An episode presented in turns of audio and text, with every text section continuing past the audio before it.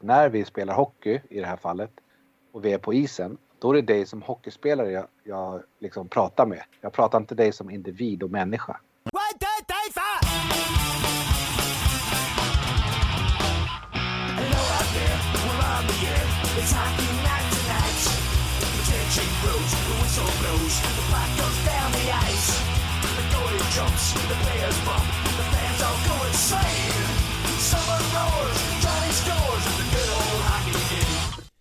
Hej och välkomna till Ingen ko på isen avsnitt 66.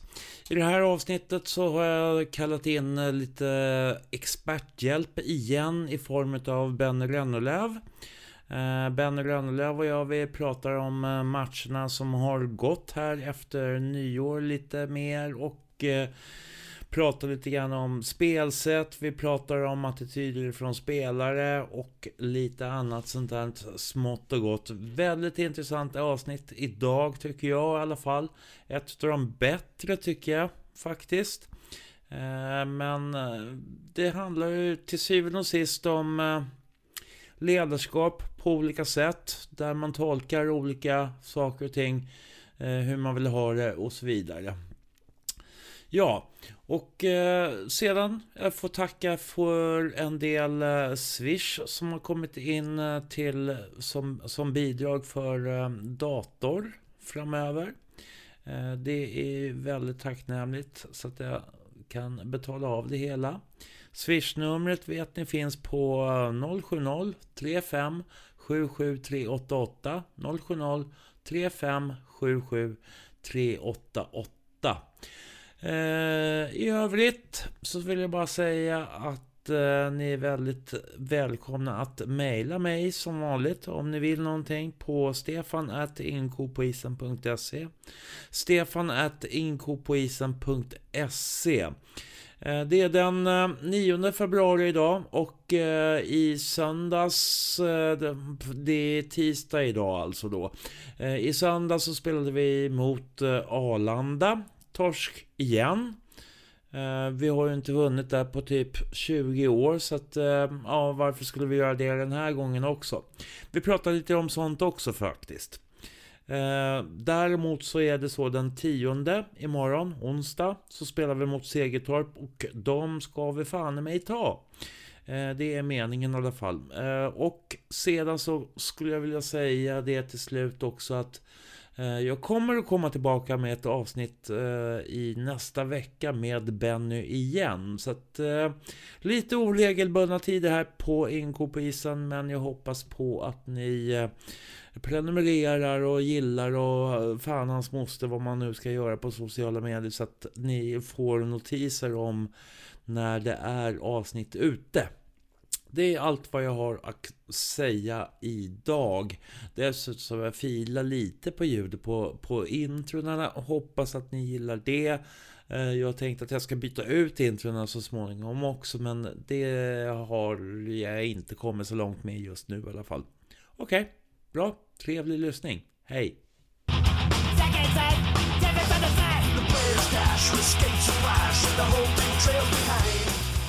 Hej välkomna till Inko på isen och återigen så har jag lyckats lura ut Ben Rönnelöv. Jag vet inte, eh, har du eh, hört det sista avsnittet? Uh, nej, det har jag faktiskt inte gjort. Aha, jag försökte lägga ut en liten hint åt och tänkte att här måste, att, att jag skulle kontakta dig angående inspelning. Ja, men jag har sett att, jag, att du ska kontakta mig i alla fall. Det är väl så långt jag, jag kom. Ja, du får tips från andra håll kanske. Ja, precis. Ja. Man har sina kontakter där ute. Ja, det är ju det. Jaha, Jaha hur, eh, hur är det med dig då? Eh, jo, det är bra. Jag har faktiskt haft eh, covid en stund men är frisk från det nu så att eh, annars är det som sagt bara bra. Jaha, och eh, det, du har klarat dig bra låter det som? Ja, jag fick en mild variant. Jag kände mig lite förkyld bara. That's it egentligen. Så att, eh, inget, inget märkvärdigt. Mm. Eh, och eh, så det, det, är inga biverkningar eller någonting sånt nu i efterhand på något sätt då? Nej, inte vad jag känner just nu i alla fall. Så att, eh, det är väl bara hoppas. Nu ska jag vara smittfri så att nu ska det vara lugnt. Nu väntar vi bara på antikroppar får vi se. Ja, just det. Just det. Ja, Uh, vi ska väl prata lite grann om Hammarby lite grann först. Uh, lite som jag tänkte på. Jag såg ett litet inlägg som uh, uh, våran uh, kamrat Henrik Våg hade lagt ut. Och det handlar om den senaste matchen som spelades och det var mot Wings. Och hur gick mm. det i mm. den matchen? Ja, den förlorade vi ju tyvärr. Aha. Som, som, som vanligt där ute tyvärr. Ja. Vi, har, vi har väldigt tufft med Arlanda borta och haft det i flera år faktiskt. Jag tror vi har haft ett kryss under min tid som, som bäst tror jag. Och jag har ändå haft, varit med i fem, sex, sju år någonting. Ja, jag tror att det var, jag såg hans inlägg och då var det liksom typ 2000 som vi har sen, alltså vi har inte vunnit mot dem sedan 2000. Nej, exakt. Och jag har varit med i sju år och haft ett kryss tror jag. Så att torska i förlängningar för mig. Så att eh, jag, ja, jag hade haft något svar på det där så jag höll på att försöka ska bryta det där spöket under min period och gjorde massa olika olika förberedelser och hit och dit för att bryta någonting. Men, men det verkar, verkar sitta i väldigt djupt. Vad är det som gör att det blir så där? det, det är svårt att säga liksom. Man säger att det sitter i väggarna och hit och dit men, men jag köper inte det riktigt. Eh, jag, men jag har ingen bättre förklaring heller så att eh, jag har som sagt försökt med, med allt möjligt. Man har hört så här stora, stora klubbar som sover på hotell bara för att de inte ska alltså, hålla ihop och massa olika typer av varianter. Så att eh, eh jag har inget bra svar tyvärr. Eh, men det är ett spöke som har hängt kvar och hänger kvar eh, som vi måste få bukt på på något sätt. För jag tycker egentligen sådär att eh, även fast de har gått dåligt i vissa matcher så ja, nej, vi går bet på dem. Ja, och jag menar det kan ju inte vara heller att eh, man har ska säga, majoriteten av spelarna som är vana med det, att man, man liksom vet att man förlorar ute. För tittar vi på Hammarby idag så har de ju typ bytt ut hela laget i stort sett. Eh, så att det har ju ingenting med det heller att, att det lever kvar, utan det, det är någonting annat. Vad, vad, är, vad är... Ett spöke helt enkelt. Ja, jag kan ju bara tycka så här, men det måste, alltså blir det någon känsla att man försöker för mycket eller liksom bara tycker så här, ja, häng, hänger resultaten kvar någonstans i bakhuvudet hos en spelare när man vet man, att man inte har vunnit på den isen Nej. på länge? Nej, men det tror jag inte. Och tittar vi Hammarbys fall så har de haft är det tre olika tränare eller fyra olika tränare de här i alla fall sex, sju, åtta åren som, som jag har varit aktiv och ändå samma resultat om man säger så. så att, eh, tränarna kommer ju dit med helt nya ögon. Eh, spelare kommer dit med helt nya ögon så det, det handlar inte om det tycker jag utan det, det är någonting annat. Eh, det kan ju bara vara en enkel sak som att Väs eller Wings borta passar inte Hammarby, punkt. Mm. Eh, det kan ju vara en sån enkel grej men jag menar hemma tycker jag att vi, där har vi haft rätt så, liksom, inte enkelt men vi har vunnit flera gånger liksom. Mm. Eh, så att det är, jag vet inte, det är Wings borta, tufft. Ja, vi får väl se när vi, om vi lyckas ta och bryta det där på, nå, på något himla sätt. Alltså det, det, det är ju ingen rolig historia på så sätt helt enkelt. Nej, men så är det ju. Jag, jag tänker mer så att det kanske måste vara någon match som kanske betyder någonting så att man verkligen, alltså mer sådana saker som man gör att man offrar både liv och lem för att vinna match. Och när man då vinner den matchen, då kanske det är brutet liksom. Mm. Vi har inte haft den här alltså, vinna försvinna matchen någon gång utan vi har bara varit där i en serielunk. Missförstå mig rätt, men typ. Eh, och då, då kanske man inte offrar allt. Och jag menar, när en sån här trend bryts så, så, så har det brutits liksom och då, då känns det lättare nästa gång kanske. Eh, men som sagt, det är en lång väg dit. Mm. Ja. 20 år som sagt. 20 år, det är väldigt lång tid. Även om det har varit lite uppehåll däremellan också naturligtvis. Jo, såklart. Ja. Uh, hur mycket har du sett av Hammarby på sistone då? Uh, jag mötte ju dig där i ishallen här för bara någon vecka sedan. Mm. Uh, sen har jag sett någon match till och så någon på, på vad heter det, på länk då. Mm. Så att jag har sett lite grann ändå. Och jag tycker att de blandar och ger. Spelar bra vissa stunder. Lite enkelt i egen zon kan jag tycka. Men det är ett rätt ungt lag så man får ha lite överseende. Men ja, man ska vara lite hård så var det här jag trodde på förhand när säsongen drog igång. Mm. Att vi skulle mer eller mindre slåss i botten. Ja, Eh, och det grundar jag egentligen på två eller tre saker egentligen. Det ena är eh, nya tränare, unga tränare, eh, unga spelare som inte har varit med förut. Ingen riktig ledare i gruppen som gör att vi liksom går i bräschen för övriga truppen. Eh, så att det är många, många ska säga, faktorer som spelar in. Eh, och, och, det var det här jag var lite rädd för. Nu är det lätt att säga så eftersom det har gått så här men, men jag sa mina saker till våra eh, redan innan säsongen. Så att, eh, det är inte så att jag står här nu och säger det som, som har hänt om man säger så. Nej, nej. Men man tycker att det, det, finns ju flera spelare i truppen. Du till exempel borde väl ha kanske haft eh, Pontus Okeblad till exempel. Eh, du menar när jag var tränare? Ja, precis. Eh, ja, vi hade ju inne honom. Han kom ju från USA då och vi hade inne honom på en tryout. Eh, när jag var och körde för tre år sedan kanske, kanske fyra. Mm. Men då valde vi att inte ta in honom. För att jag eller vi ansåg att han inte höll riktigt den kapaciteten som, som vi ville ha då. Mm. Sen vet jag att Pontus är en väldigt säga, lojal och en hårt arbetande spelare. Så att eh, han är bra för den här truppen, det tror jag helt klart. Mm. Men, men just då när vi hade laget så var det inte den typen av spelare vi sökte. Ja, just det. Eh, vad tycker du att man ska ha för trupp? Alltså, jag vet att vi talade tidigare om eh, balansen i ålder och lite sådana där saker. Och det, vi har kanske inte riktigt fått till den balansen riktigt. Nej, och där är det också olika typ vad, vad tränarna vill ha. Eh, jag menar, tar vi återigen Väsby som har gått väldigt bra. De har tagit många från AIKs juniorer och lyft upp och gjort det väldigt, väldigt bra. Eh, sen finns det ju andra som jobbar med kan säga, äldre rutinerade spelare. Tittar vi på Vallentuna så har de tagit de rutinerade spelarna från, från Huddinge till exempel. Mm. Eh, tar vi Hammarby då som egentligen har ett rätt så orutinerat lag. Mycket eh, unga spelare från olika lag. Och då ska man först och främst få dem att spela ihop Eh, sen ska man få dem att, liksom att agera lite seniortänk. För jag menar, det, det är skillnad från junior till, till senior. Eh, så, och det tar också ett eller ett par år. Vissa kommer in i det direkt eh, och vissa tar det tre, fyra år för att komma in i seniorhockey. Så att det, det är inte bara bara att gå in och spela seniorhockey. Även fast det kanske är på division 1-nivå och inte SHL-nivå. Så det spelar egentligen ingen roll. Eh, så att eh, det är lite grann vad tränarna vill ha för lag. Eh, jag själv skulle gärna vilja ha, eller jag försökte hitta ledarfigurer, lite äldre som har varit med. Det var därför jag plockade in till exempel Thomas Lindgren som egentligen var passé. Men han, hans, hans personlighet i omklädningsrum och på isen betyder mycket mer för övriga spelare mm. än vad kanske hans säga, skicklighet gjorde om man säger så. För han offrade allt.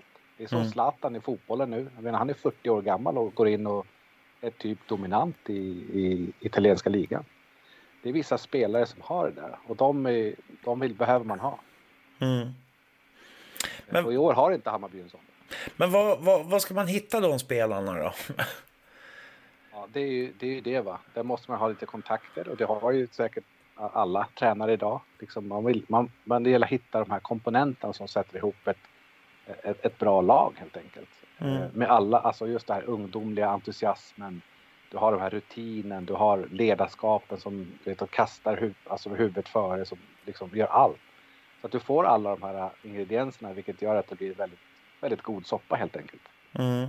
Eh, och det är min filosofi. Jag menar, du kan inte bara unga spelare, du kan inte bara gamla spelare, du kan inte bara ha tekniska spelare, du kan inte bara ha brunkar. Alltså du måste ha lite av varje för att liksom kunna komponera upp den här, ska säga, kemin i laget och, och i femmorna inte minst.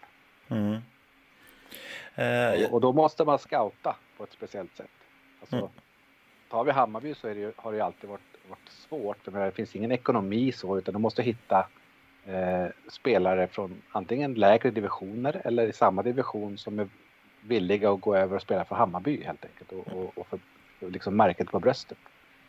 Eh, och det gäller att hitta de spelarna som som har de här komponenterna som man letar efter. En ledarfigur, eller en ung spelare eller en teknisk spelare eller en liksom, brunkare. Så får man ut och leta där. Mm. Mm. Då får man sätta ihop den, det laget som man själv vill ha helt enkelt. Som man själv kan, kan coacha och, och lita på. Mm. För jag tycker ju ändå, alltså rent, om man tänker rent offermässigt, så, alltså att eh, man offrar sig liksom i, i laget, det tycker jag ser att jag har sett mer utav efter nyår än vad jag har gjort under tidigare under höstsäsongen. Och det är väl kanske lite tecken på att någonting är på väg att hända kanske. Men det, jag hoppas på att det inte är för sent. Nej, men precis. Och det kan också vara att man växer in i det. Som jag sa, det är inte bara att gå in i seniorhockey till exempel. Utan mm. det tar en stund att gå in i det. Mm. Och just det offra, hur ska man offra sig för att inte gå bort sig och du vet, det finns massa olika saker man liksom, man kan offra sig på dumma sätt om man säger så. Så går man bort sig med en eller två spelare till exempel. Eller om man slänger sig och täcker skott eller vad man nu menar med offra sig. Det finns massa olika termer inom det också. Mm. Man kan ju offra en spelare i en checking till exempel bara för att vi ska jaga ut burskydd eller vad det nu må vara. Mm. Så att, eh, men det tar tid att spela in, helt klart. Mm. Uh, hur, hur, hur, tycker du att Hammarby spelar idag då? Alltså, om man jämför i början, eh, när, när, du och jag var där, eller när vi träffade på varandra, så spelade de mycket mer tydligare styrspel än vad de gjorde på, tidigare på säsongen. Då, då körde de mycket hårdare på forward ska jag säga. De pressade ut eh, burskydd, liksom, liksom checkade hårt kan man säga på, på båda backarna och sådär. Vilket gjorde, tror jag, att de blev väldigt bortspelade. Mm. En pass upp i mitten så var två spelare borta och så vidare. Nu har de då samlat ihop laget och har fler spelare på rätt sida om man kallar det det. Vilket gör att de inte går bort sig lika mycket. Vilket de, de får inte de här tre mot tvåorna emot sig eller två mot ettorna utan nu har de alltid folk hem. Mm. Eh, vilket gör att de blir mycket, vad ska jag säga, mycket säkrare i försvaret. Mm. Eh, så att det tycker jag är den största ändringen, det jag ser egentligen. Mm. Eh, sen, sen, tycker jag de är lite, lite svaga i, eller i försvarszon. Eh, lite rörigt fortfarande. Mm. Tittar vi återigen på den matchen vi var på, så deras boxplay där, då gjorde två eller tre likadana mål i powerplay. Mm. Eh, och att man inte då pratar igenom den grejen efter till exempel när man gjort, släppt in det målet. Då måste man se att de gjorde på ett visst sätt. För att nästa gång ska det inte kunna hända igen. Mm. Eh, och det är ju de fyra, eller de åtta som spelar som, som ska prata igenom det. Mm. Och coachen ska ju själv komma med, såg ni vad som hände? Vem gör vad? Vem tar den här spelaren? Och så vidare. Så att man har en lösning på det. Mm. Eh, och det är extremt viktigt. För vad, vad, vad tycker du? Det här, nu pratar vi Strömsbro-matchen. Vad tycker du var det största misstaget man gjorde vid de målen då? Som Strömsbro gjorde? Nej, men alltså. För det första är det powerplay. Strömsbro är väldigt duktiga i powerplay. Eh, lät, lät pucken gå vet, hade sina varianter där man verkligen sökte. Eh, antingen den uppe i mitten som vi såg på friläge eller rakt igenom. De hade två, två varianter där. Mm. Eh, så att eh, powerplay var ju deras egentligen... Eh, ja, det var ju det de egentligen vann på kan jag säga. Mm. Då vann de ju på förlängningen men, men då kan ju vad som helst hända. Mm. Men, men powerplay en sak helt klart och sen är de i min värld lite mer rutinerade. De behöver inte åka på lika mycket ströpuckar och så vidare utan de, de spar krafterna och åker på rätt puckar och alltså ja, rent, mm. rent, lite mer rutinerat helt enkelt. Mm. Lite smartare skridskovägar eller? Ja, inte skridskovägar kanske, men de, de väljer vad de ska åka på liksom i, i, spelet och i försvarszon och vet. De, de, är, de är vana med de här typerna av situationer så de är lite mer säga, förberedda helt enkelt på vad som kommer hända. Mm. Eh, det, det, är väl den största grejen, för jag menar båda lagen kämpade rätt bra. Eh, men tittar vi första perioden, om vi tar nu Strömsbro-matchen, jag tror Hammarby hade fem skott på mål och gjorde tre mål någonting. Så menar, de hade en jätteutdelning också. Mm. Så att eh, Strömsbro var ju egentligen det bättre laget. Men Hammarby spelade, spelade rätt bra, spelade smart. Mm. Eh, tycker jag. Eh, med, med det, ja, som förhållandena blev, så ska man säga. Mm. Jag har ju tänkt en hel del på det här med målvakter också. Jag har varit ute och svingat lite grann angående om att jag tycker liksom till exempel att Eh, jag skulle vilja ha din syn på det. För att eh, jag har ju hört att det, det finns en målvakt som är intresserad av att spela i Hammarby. Men att den sportsliga ledningen har valt att inte ta in honom ens för ett provspel. Och då undrar jag så här. Vad är det som gör att man inte ens vill prova en annan målvakt när man kanske har det lite småskralt. Man tar in liksom en juniormålvakt som är på, på avbytarbänken istället för att ens prova en annan som kanske finns chans att vara bättre. Mm, jag förstår. Eh, jag har inte insatt i den situationen, men jag kan sätta mig in med om jag hade stått i båset. Mm. Eh, det finns egentligen två varianter då för mig. Det ena är ju att antingen har jag två, två eh, okej okay målvakter eller bra målvakter. Eh, så att jag vill inte ta in en tredje för att oroa gruppen. Det är en grej. Hade jag haft svagt på målvakter, alltså, kanske hade haft en målvakt eller en och en halv målvakt. Då hade jag självklart tagit in en som ska konkurrera om första platsen om man säger så. För då blir båda målvakterna liksom utmanade av varandra, vilket gör att de måste höja sig båda två. Har man då som i det här fallet som du antyder nu, som jag kanske inte riktigt eh, vet om det stämmer, men om man har en juniormålvakt som kanske inte når upp till den kapacitet som man egentligen vill ha. Då kanske den här första målvakten känner sig väldigt säker. Så det spelar egentligen ingen roll om han gör en dålig träning eller så, utan han vet att han ändå kommer få stå. Mm. Det kan också vara en sån här, ja men då känner han sig säker, då, då, är han nöjd och glad och då har vi en bra målvakt.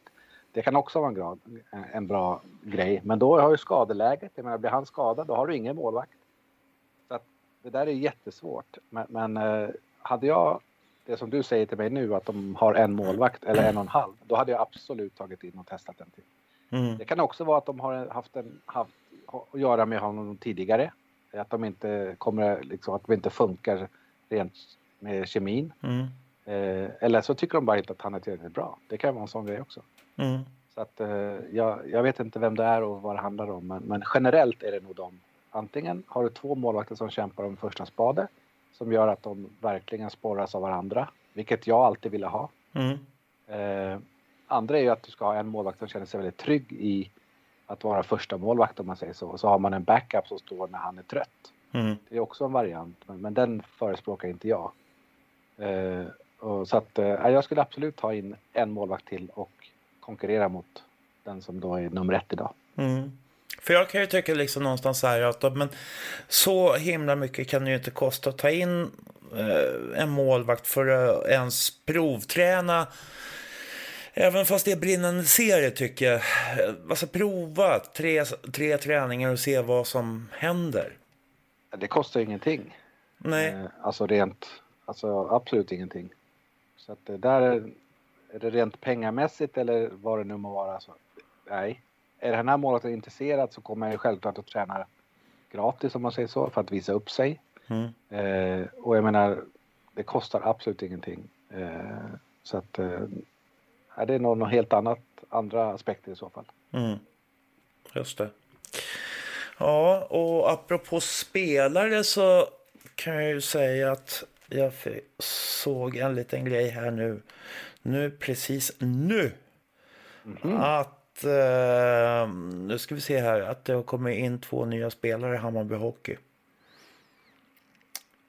Eh, då ska vi se vad fasen det stod här. De har plockat in två stycken nya. Och dessa två är då Tim Velin från AIK och Emil Broed ifrån Sollentuna. Som är mm. spelklara redan till eh, morgondagens match mot Segeltorp. Och då står det eh, Velin har spelat i AIK hela karriären fast Eh, har eh, Sollentunas moderklubb. Och registrerad för en match i A-laget i uh, Hockeyallsvenskan i år. Emil Broed har representerat klubbar som Hudiksvall, Nyköping och Djurgården. 193 matcher i Hockeyettan. Mm. Eh, jag vet ju mycket väl med Emil Broed är. Eh, han ville jag ha till mig när jag spelade. När han var både i Hudiksvall och i Sollentuna tror jag han var då. Mm. Eh, jag gillar han. Han är tung, han har ett bra skott. Han är liksom en, en riktigt bra powerforward. Han gillar jag. Eh, men han kom aldrig till oss tyvärr. Jag spelade med hans pappa också när han, han höll på faktiskt. Okay. Så att han gillar jag. Den andra Vedin vet jag inte. Och även han eh, Björlin här som har tagit in som back där är också väldigt, väldigt fin. Han tittar vi på för ja, jag eh, och Kulleback och Arton när vi höll igång. Eh, så tittar vi på att ta in honom också. För jag spelar med hans pappa Ronny där. Han är också väldigt duktig. Eh, så det är två bra spelare. Men det här är också det här som jag pratade om med målvakterna. Att Hammarby i min värld i år har bytt så mycket spelare. Vilket gör att det blir väldigt oroligt i gruppen. Mm. Eh, alltså man, det kommer in någon ny och det kommer, åker, åker ut någon och det är en ny och det, det jag, jag gillar inte det för jag tycker att det blir oreda. Mm. Vilket gör att det blir väldigt oroligt i, i truppen. Eh, jag vill gärna ha så lite, ska man säga, rotationer som möjligt. Mm. Sen är självklart om det är någon skada och så att man måste ta in spelare, det är en helt annan grej.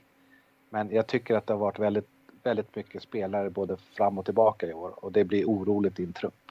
I min värld ska jag säga. Mm. Eh, så att det är därför jag ofta när vi gick till ja, vidare spel, alltså allettan, äh, inte allettan men det här fortsättningsserien och så. Då ringer det ju alltid folk som vill komma. Men jag sa att jag vill inte ta in folk för att det är vi som har gjort det hela säsongen. Det är vi som ska göra det i slutet också. Vi ska inte ta in ett par, tre spelare för några matcher bara. Det känns helt onödigt för att röra om i gruppen. Mm. Eh, så att eh, oro i gruppen är någonting man ska försöka undvika så mycket som möjligt, tycker jag. Mm. Sen ska man ha den här konkurrens, eh, konkurrensen såklart. Det är, inte, det är inte det jag menar att man inte ska ha konkurrens, utan det ska man alltid ha. Det är därför man har oftast fyra femmor och man liksom kanske någon extra spelare till och med och sen kanske man går på tre eller vad man nu vill göra. Så att det, konkurrenssituationen måste finnas, annars är det ingen mening att hålla på tycker jag. Mm. Eh, men, men, eh, just det här att det kommer in nya spelare fram och tillbaka, det, det, den tror inte jag på. Mm. Men det blir, ja, nej, det är klart, alltså, fast jag fattar ju samtidigt också varför det blir på det här sättet, att man kanske man känner en press. Det är ganska jobbigt läge i år. Kanske är mm. extra mycket på något sätt. att eh, det är ju, eh, Om man ser på serien som den är nu så är det ju de fyra sämsta lagen i den här serien. De kommer ju få ha en kvalserie där två stycken håller sig kvar och två åker ut till tvåan. Ja, exakt. Och det, ja, ja det är klart att det, det är liksom en spänd situation. Eh, för man vill ju inte åka ut. Det är, det är uttalat från, från högsta ordförande tror jag att vi ska inte åka ut ettan. Eh, mm. Och jag menar, man kan ju vrida och vända på det här mycket som helst med att det finns inga pengar i Hammarby och så här, men det har inte funnits någon gång. Och vi har aldrig liksom legat, eller aldrig ska jag inte säga, men oftast inte i botten och krigat utan vi har varit där femma, sexa, sjua liksom. Mm. Eh, genom de senaste åren. Eh, så att det handlar inte om pengar på det sättet, tror jag. Eh, jo, om man ska ta ett steg till, då mm. handlar det om att man ska ha pengar för att kunna göra det, för att få in lite bättre spelare och sådär.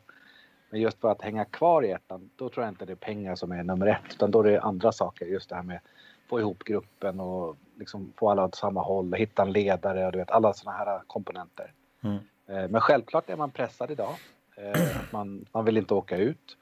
Och, och då kanske man då vill hämta någon spelare hit och dit. Men då ska du också tänka på att då ska den här spelaren komma in i spelsystem, börja känna i gruppen och liksom bli en i mängden, man ska ta emot honom. Alltså det, det är många komponenter som ska liksom eh, följa med liksom. Eh, är det en spelare så absolut, men nu är det, pratar vi om kanske 6-7 spelare under säsongen som har liksom bytts ut och, och sådär. Så att eh, oroligt skulle jag säga och, och ibland kan man också säga så här, det är lite panik. Att man, man måste hitta, man måste göra någonting. Mm. Eh, så att eh, ja, det, det, det är en svår situation. Ja, jag tycker det är, det, det är jobbigt och så, så känner man liksom lite sådär att eh, vi kanske inte har så stor trupp från början. Eh, den här diskussionen har vi haft förut, även när du har varit tränare, att det liksom eh, vi, du börjar med en ganska liten trupp och får fortsätta med en ganska liten trupp och sen så kommer det lite skador och så blir det det ena och det andra och då det blir ju jobbigt. Frågan är ju... Alltså jag tycker nästan att man borde ha en trupp som är på 25 i alla fall när säsongen startar. Ja, det, det kan man ju tycka. Men eh, om vi då räknar med att det är 20 som ska spela. Ofta spelar man fyra kedjor och tre backpar. Mm. Eh, då är det 12, hur många som spelar då? då? Eh, borde jag kunna, skitsamma. Eh, men då är det ju då om du har du 25. Det är 18 som spelar. Mm. Och så har du 25, då är det sju stycken som inte ska spela. Mm. Du ställer av varje match. Om nu alla är hela, ska jag säga. Mm. Eh, Då är det sju stycken som du säger så här, du får tyvärr inte spela den här matchen. Ja, inte den här heller. Och inte den här heller. Då kommer han ledsna. eh, Rätt så snabbt om man inte får spela någonting. Mm. Blir det skador sen på tre stycken, ja men då är det fyra du ska ställa undan. Eh, så att jag, jag tror kanske inte på det här med 25 spelare, men kanske 22 eller någonting. Så att det blir alltid spelare som blir skadade. Men det, det, det är svårt. Och sen är det inte kanske helt, alltså som nu, i år har vi haft lite långtidsskador tycker jag. Med Kokkonen som är lite fram och tillbaka och Emil Mäki som gick i ja, huvudet där och så Rosenberg försvann. Och, så det är många som har liksom lämnat på grund av skador och, och andra saker såklart. Men, men för stort trupp tror jag inte heller på. Det är skillnad om du kan låna ut dem och liksom, ja men nu får du spela här eller där. Då får de i alla fall matchträning. Mm. Som SHL-lagen, de lånar ju ner till någon annan klubb liksom, så att de får ändå matchträning. Ja, just det. Just Eh, det. och det kan, inte, det kan inte Hammarby göra om man säger så. Varför kan vi inte det då? Därför vi har egentligen ingen samarbetspartner så. Eh, Borde vi ha har det? varit Ah, både ja och nej skulle jag säga. Eh, och jag vet inte hur det funkar det här med att liksom eh, låna spelare fram och tillbaka. Låt säga att vi skulle ha Södertälje i Allsvenskan säger vi som, som eh, samarbetspartner uppåt. Och så kanske vi skulle haft, eh, inte jag, eh, något annat lag, Nacka i tvåan till exempel. För Mm. att skicka spelare eller Haninge eller you name it. Mm. Och då, då kostar det ju varje gång man tar en spelare fram och tillbaka och upp och ner och fram. Så det, det är en kostnad också. Mm. Eh, men det var ju väldigt vanligt för att man hade en samarbetspartner som Djurgården hade i Nacka förr och sådär. Så att, så att jag tror att det kan vara en melodi, absolut. Men man måste, jag skulle då sikta på kanske Södertälje som, så att vi kan skicka upp spelare så att vi liksom även kan locka spelare till oss. Säga så här, men vi, vi har ju samarbete med Södertälje vilket innebär att gör du bra ifrån dig kan du få upp och träna med dem, eventuellt spela matcher med dem och så vidare. Då har man liksom en, en språngbräda in i allsvenskan helt plötsligt. Mm. Eh, Så att de samarbetena skulle jag gärna vilja se. Mm. Eh, När jag, när jag spelade i Huddinge så hade vi med Djurgården. Så jag menar, det finns hela, alltid liksom. Och jag vet, Karlskoga hade med Färjestad. Så att hela tiden ha något, något lag uppåt som man liksom kan locka med och säga gör du det bra så kommer du få vara där och träna och testa. Mm. Eh, Det innebär att du spelare vill komma och visa att fan, jag ska fan dit. Mm. Eh, Så att eh, ja, det, det hade varit eh, optimalt tror jag. Men varför har inte Hammarby haft det, eller, eller har vi haft det förut? Nej, jag tror inte vi har haft det på, på det sättet, nej. Och det, det kan nog vara så att man inte har haft varken kraft eller ork att liksom ta tag i och börja jobba på en sån grej. För jag menar, det, det tar ju ändå lite energi och man ska sätta ihop någon, någon typ av eh, form eller hur det ska funka och, så att alla blir nöjda hit och dit. Och jag menar, tar vi våran styrelse och, och sportchefer och så vidare, vi är väldigt få. Det är väldigt få som måste göra väldigt mycket. Eh, och, och det hinner man inte med allting. För allting annat ska ju flyta också med inköp och ja, du vet allt. Mm. Så att eh, det blir en sidoboll och man behöver kanske ha någon, någon som bara jobbar med en sån liksom, samarbeten hit och dit. Mm. Som inte gör så mycket annat utan bara tar en sån kontakt och så sätter man den bollen i rullning och sådär. Eh, så att eh, nej, det hade nog varit bra att ha haft en, en klubb i, ja, i allsvenskan i alla fall att samarbeta med för att kunna locka till sig spelare och kunna ja, göra dem bra ifrån sig så får, får de chansen. Liksom. Mm. Eh, tycker du att det, det här är någonting som Hammarby har brustit i? Alltså eh, hur mycket folk det är som är runt omkring hockeyn? Har vi, har vi varit för dåliga på att ta hjälp av de eh, grupperingar som finns inom Hammarby? Eller vad tror du att det har blivit så, så att det liksom är styrelsen som är väldigt hands-on på det hela? Ja, jag, jag tror att man är lite rädd för, inte rädd ska jag säga, men just att ta hjälp. Eh, För jag menar, ju fler man är desto bättre blir det ju. Man behöver inte göra lika mycket. Mm. Det som, det som är, ska man säga då, om man är då rädd för det, det är att man släpper iväg ansvaret till någon annan. Eh, Men där måste man våga lita på att, att, man, att man sköter sig om man säger så. Eh, Och jag tror att ju fler man är desto lättare är det ju att liksom bygga, framförallt i vår organisation. Det är skillnad om man är till exempel i SHL där alla är liksom betalda, där de liksom jobbar in sponsorer, de gör på vissa sätt och sådär. Men Eh, här är det liksom folk som jobbar heltid. Eh, det finns de som går i skola eller vad det nu må vara och även ska de hålla på med Hammarby med sekretariat och sponsorer och allting så att det blir väldigt få som gör mycket vilket gör att man bränner ut folk. Mm. De, man orkar liksom inte så bara, jag, jag skiter i det här nu, nu, nu är jag trött. Och då, då blir det svårt att ta in nya för man räknar med att de här ska alltid hänga med liksom. Mm. Så att ju fler man är, desto bättre är det. I alla fall i de här mindre föreningarna som Hammarby tillhör idag, ska jag säga, inom hockeyn. Eh, så då ska man nog vara, vara ett gäng som håller på. Sen kan det vara en som har en uppgift bara, men, men han gör det varje gång, eller hon. Mm. Mm. Så att det blir väldigt, väldigt enkelt allting kring, kring matcher och kring försäsong eller you name it. Liksom. Mm. Men eh, däremot så ska det vara kanske några stycken som har det här beslutandet liksom att så här ska Hammarby spela eller så här ska vi göra si eller så. Det, det, det kan inte vara hundra stycken som ska säga sin sak, det går liksom inte. Utan det är några som verkligen tar de här stora besluten. Liksom. Ja, just det. Men, men var, vad hittar man det folket? Vad hittar man det? Alltså, jag kan ju tycka så här att kanske är vi inom Hammarby för dåliga på att ta liksom, hjälp av föräldrar som håller på med ungdomsknattar och ungdomar eller någonting sånt.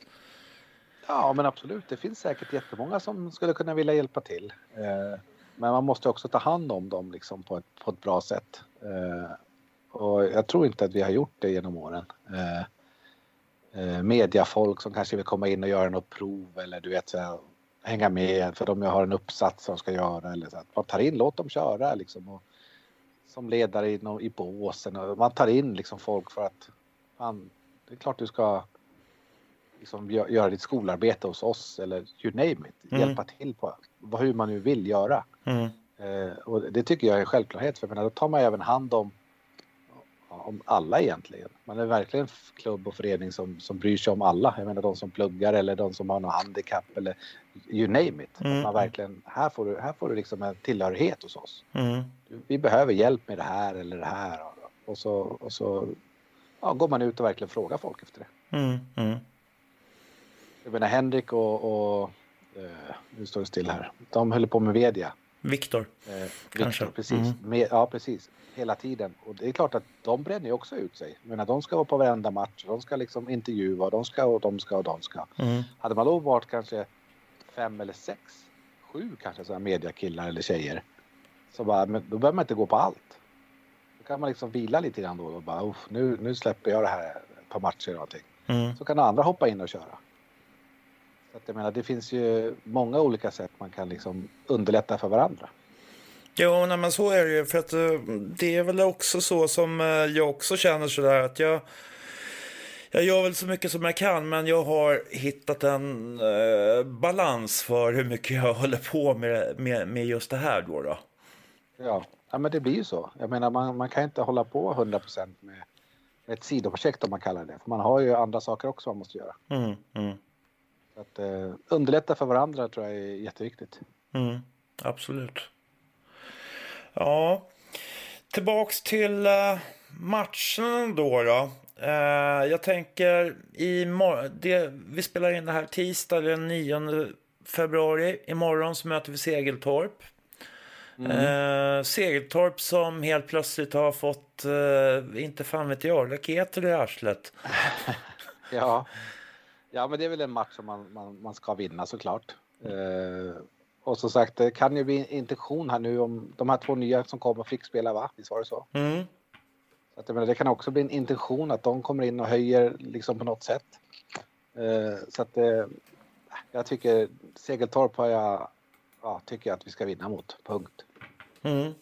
Men de har ju uh. gått väldigt bra här nu de sista matcherna. Ja. Så man undrar liksom jag gick in och kollade på Elite Prospects och så försökte se liksom om de har tagit in dem, men de har man ju inte gjort.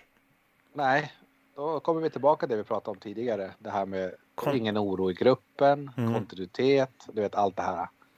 De har hittat sitt spel nu. Uh, nu börjar allting falla på plats.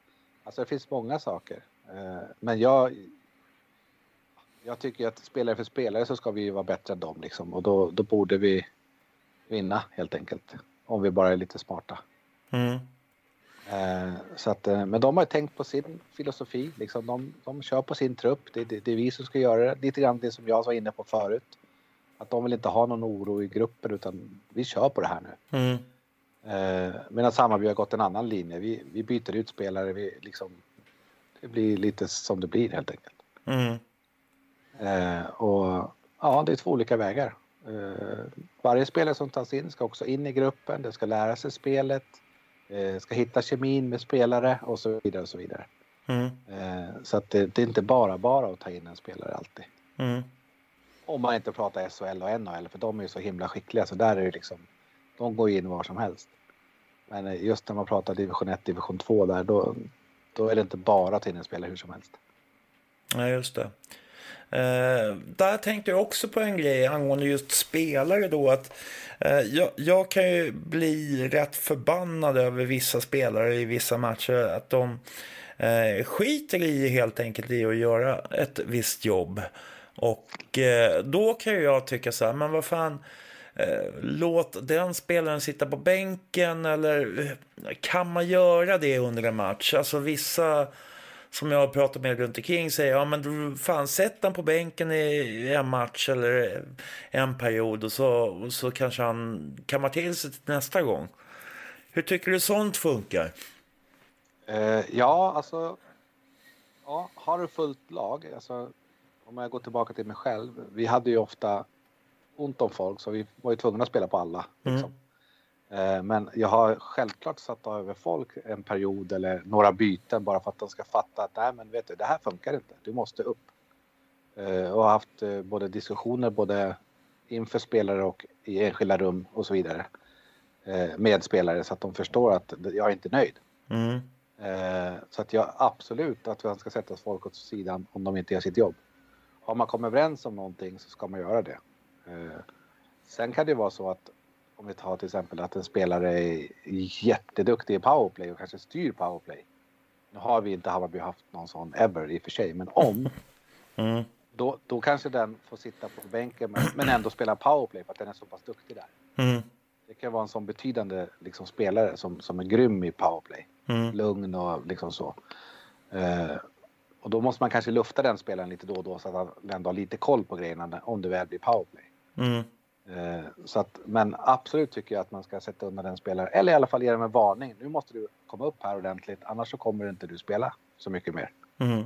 Så att han liksom inte bara plockas undan, utan man kanske ger en varning då, om man vill spela så. Mm. Men ofta så känner den spelaren själv att men jag är inte inne i det här riktigt. Oftast så kör jag ju faktiskt det.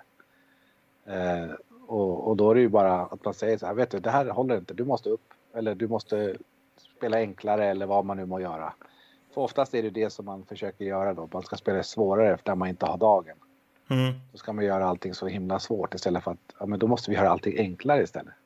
Mm. Snabbare första pass, tackla enkel tackling. Du behöver liksom inte göra något fancy moves utan lägg pucken på mål istället. Eller, du vet sådär. Mm.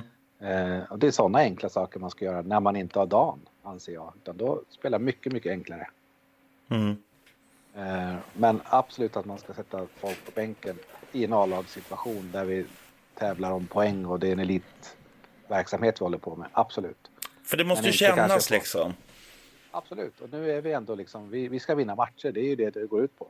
Det är skillnad när man pratar om barn och ungdomar liksom. Där är det en helt annan tankesätt. Men här är vi ändå ett A-lag, vi ska vinna, vi ska ta poäng och, och så vidare. Det, då är det ingen liksom, ja, då är det verksamhet för att vinna, punkt. Mm. Och utveckla spelare såklart. Men man, man ska vinna matcher.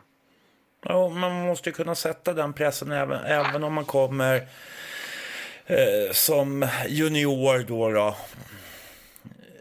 När man, ja, när man var, väl, var, väl har valt att spela i Hockeyettan ändå.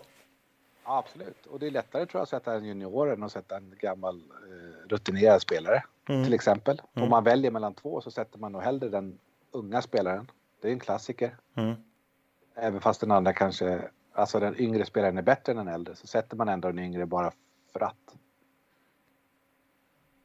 Så att det, det, det är svårt det där. Man måste ha lite pondus som tränare. Man måste liksom våga säga till. Man måste kunna sätta, un, sätta undan spelare och ändå liksom se det som det som jag var väldigt noga med när jag tränade var så att när ni är här, då är ni hockeyspelare. Ni är inte liksom, ja, ni är människor såklart, men det är inte människan i sig som jag, som jag kritiserar om jag nu skulle säga till någonting.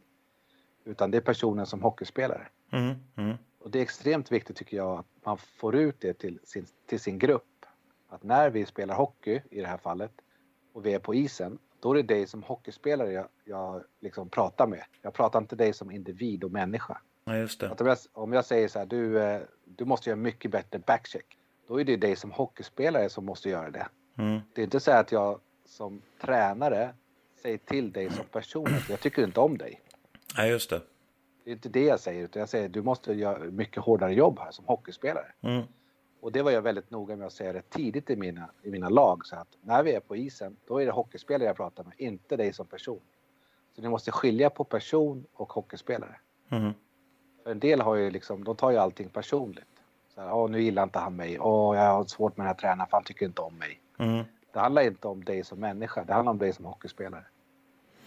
Ja, för jag kan ju tycka ibland, alltså jag får intrycket av vad jag får ibland mejl från personer som tycker att, eh, ja men det är vissa, det kan vara föräldrar till spelare till och med som hör av sig till mig och så tycker de att, ja men det här är inte bra för min grabb och hej och hå. Den är, alltså, det blir väldigt mycket att man vill att någon annan ska göra någonting åt det hela för att en grabb ska kunna få en bättre utveckling på isen. När det kanske är spelaren i sig som är eh, inte riktigt vill göra det jobbet som man tycker att, eller som jag tycker att man ska kunna kräva.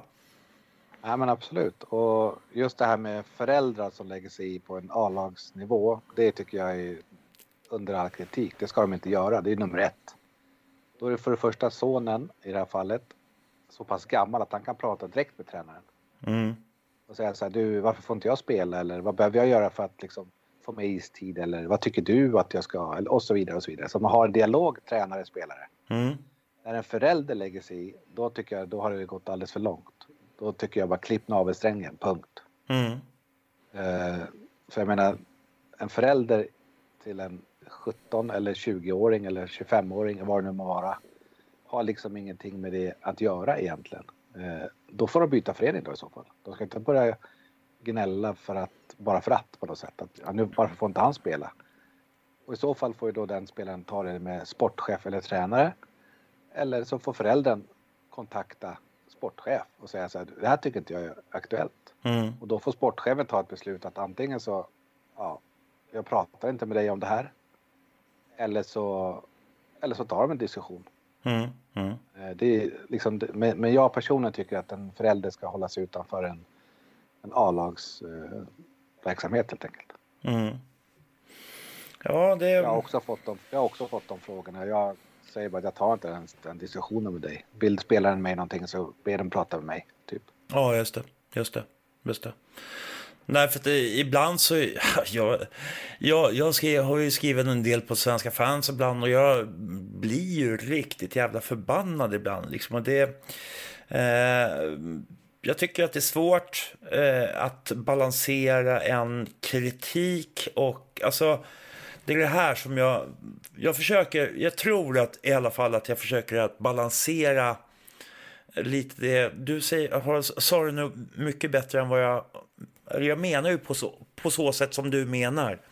Alltså det är inte personen som jag är ute efter på det sättet utan det är snarare hockeyspelaren. Ja men exakt och det är jätteviktigt att man säger och det, det är det som många har problem med. Även jag själv när jag var ung liksom att när en tränare sa till mig så tog jag det personligt. Mm. Typ att nej, han gillar inte mig. Fast det handlar ju inte om det utan det handlar om en, mig som hockeyspelare på isen. Mm. Att han vill att jag ska göra på ett visst sätt där. Mm. Och det är det han vill förmedla. Det Ja. handlar ingenting om mig som människa eller person.